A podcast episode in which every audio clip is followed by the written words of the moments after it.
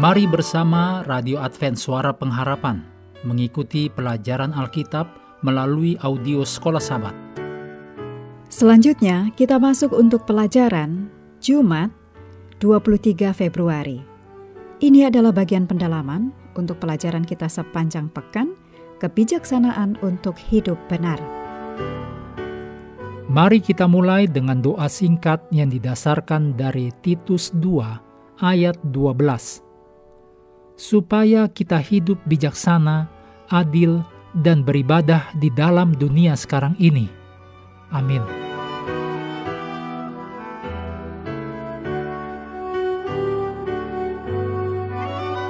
Di zaman modern ini, memperoleh hikmat tampaknya tidak begitu diinginkan seperti mencapai kebahagiaan. Orang lebih suka bahagia daripada menjadi bijaksana. Namun dapatkah kita benar-benar bahagia dan menjalani kehidupan yang memuaskan tanpa hikmat ilahi? Kitab Mazmur dengan jelas mengatakan bahwa kita tidak bisa. Kabar baiknya adalah kita tidak diminta untuk memilih antara hikmat dan kebahagiaan. Sebuah contoh sederhana dari bahasa Ibrani dapat mengilustrasikan hal ini. Dalam bahasa Ibrani, kata langkah yang dalam bentuk jamak yaitu ashri terdengar sangat mirip dengan kata kebahagiaan, ashrei. Meskipun kita melewatkan asosiasi ini dalam terjemahan bahasa Inggris, ini menyampaikan pesan yang kuat, yaitu langkah berpegang pada jalan Tuhan mengarah pada kehidupan yang bahagia. Ditulis dalam Mazmur 1 ayat 1, Mazmur 17 ayat 5, Mazmur 37 ayat 31, Mazmur 44 ayat 19, Mazmur 89 ayat 16, dan Mazmur 119 ayat 1. Di dalam Alkitab, baik hikmat maupun kebahagiaan bukanlah konsep abstrak, melainkan pengalaman nyata. Hikmat dan kebahagiaan ditemukan dalam hubungan dengan Tuhan yang terdiri dari menghormati, memuji, menemukan kekuatan, dan memercayai Tuhan.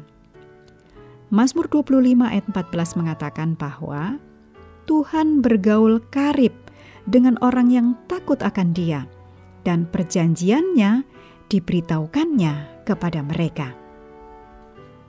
Berikut ini kutipan dari buku Langkah kepada Kristus, halaman 201 dan 202. Bersyukurlah kepada Allah atas semua gambaran sukacita yang telah Dia berikan kepada kita Marilah kita kumpulkan semua jaminan kasih Allah yang penuh berkat, agar kita dapat memandangnya terus-menerus. Anak Allah meninggalkan tahta Bapaknya, menutupi keilahiannya dengan kemanusiaannya, agar dia dapat menyelamatkan manusia dari kuasa setan. Kemenangannya atas nama kita membuka pintu surga bagi manusia, mengungkapkan kehadiran anak Allah kepada penglihatan manusia di mana Allah menyingkapkan kemuliaannya. Bangsa yang jatuh dan terjerumus dalam dosa telah diangkat dari lubang kehancuran dan dibawa kembali ke dalam hubungan dengan Allah yang tak terbatas.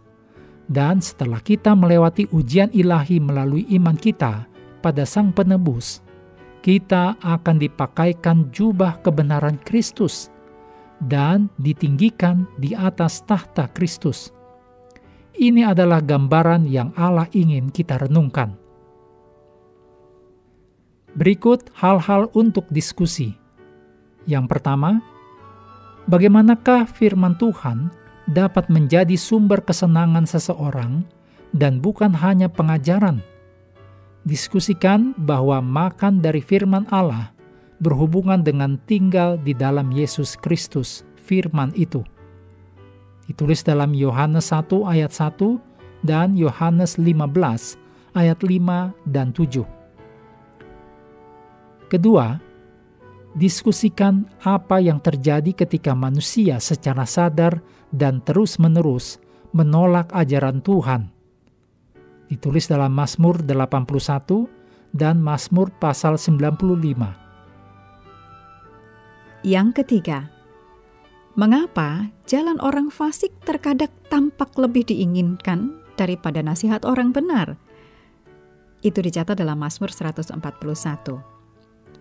Diskusikan bagaimana kita menghadapi fakta bahwa sering kali orang fasik kelihatannya baik-baik saja. Mengakhiri pelajaran hari ini, mari kembali ke ayat inti dalam Mazmur 90 ayat 12. Ajarlah kami menghitung hari-hari kami sedemikian, hingga kami beroleh hati yang bijaksana. Kami terus mendorong Anda mengambil waktu bersekutu dengan Tuhan setiap hari, baik melalui renungan harian, pelajaran sekolah sahabat, juga bacaan Alkitab sedunia, percayalah kepada nabi-nabinya, yang untuk hari ini melanjutkan dari Yeremia 26. Tuhan memberkati kita semua.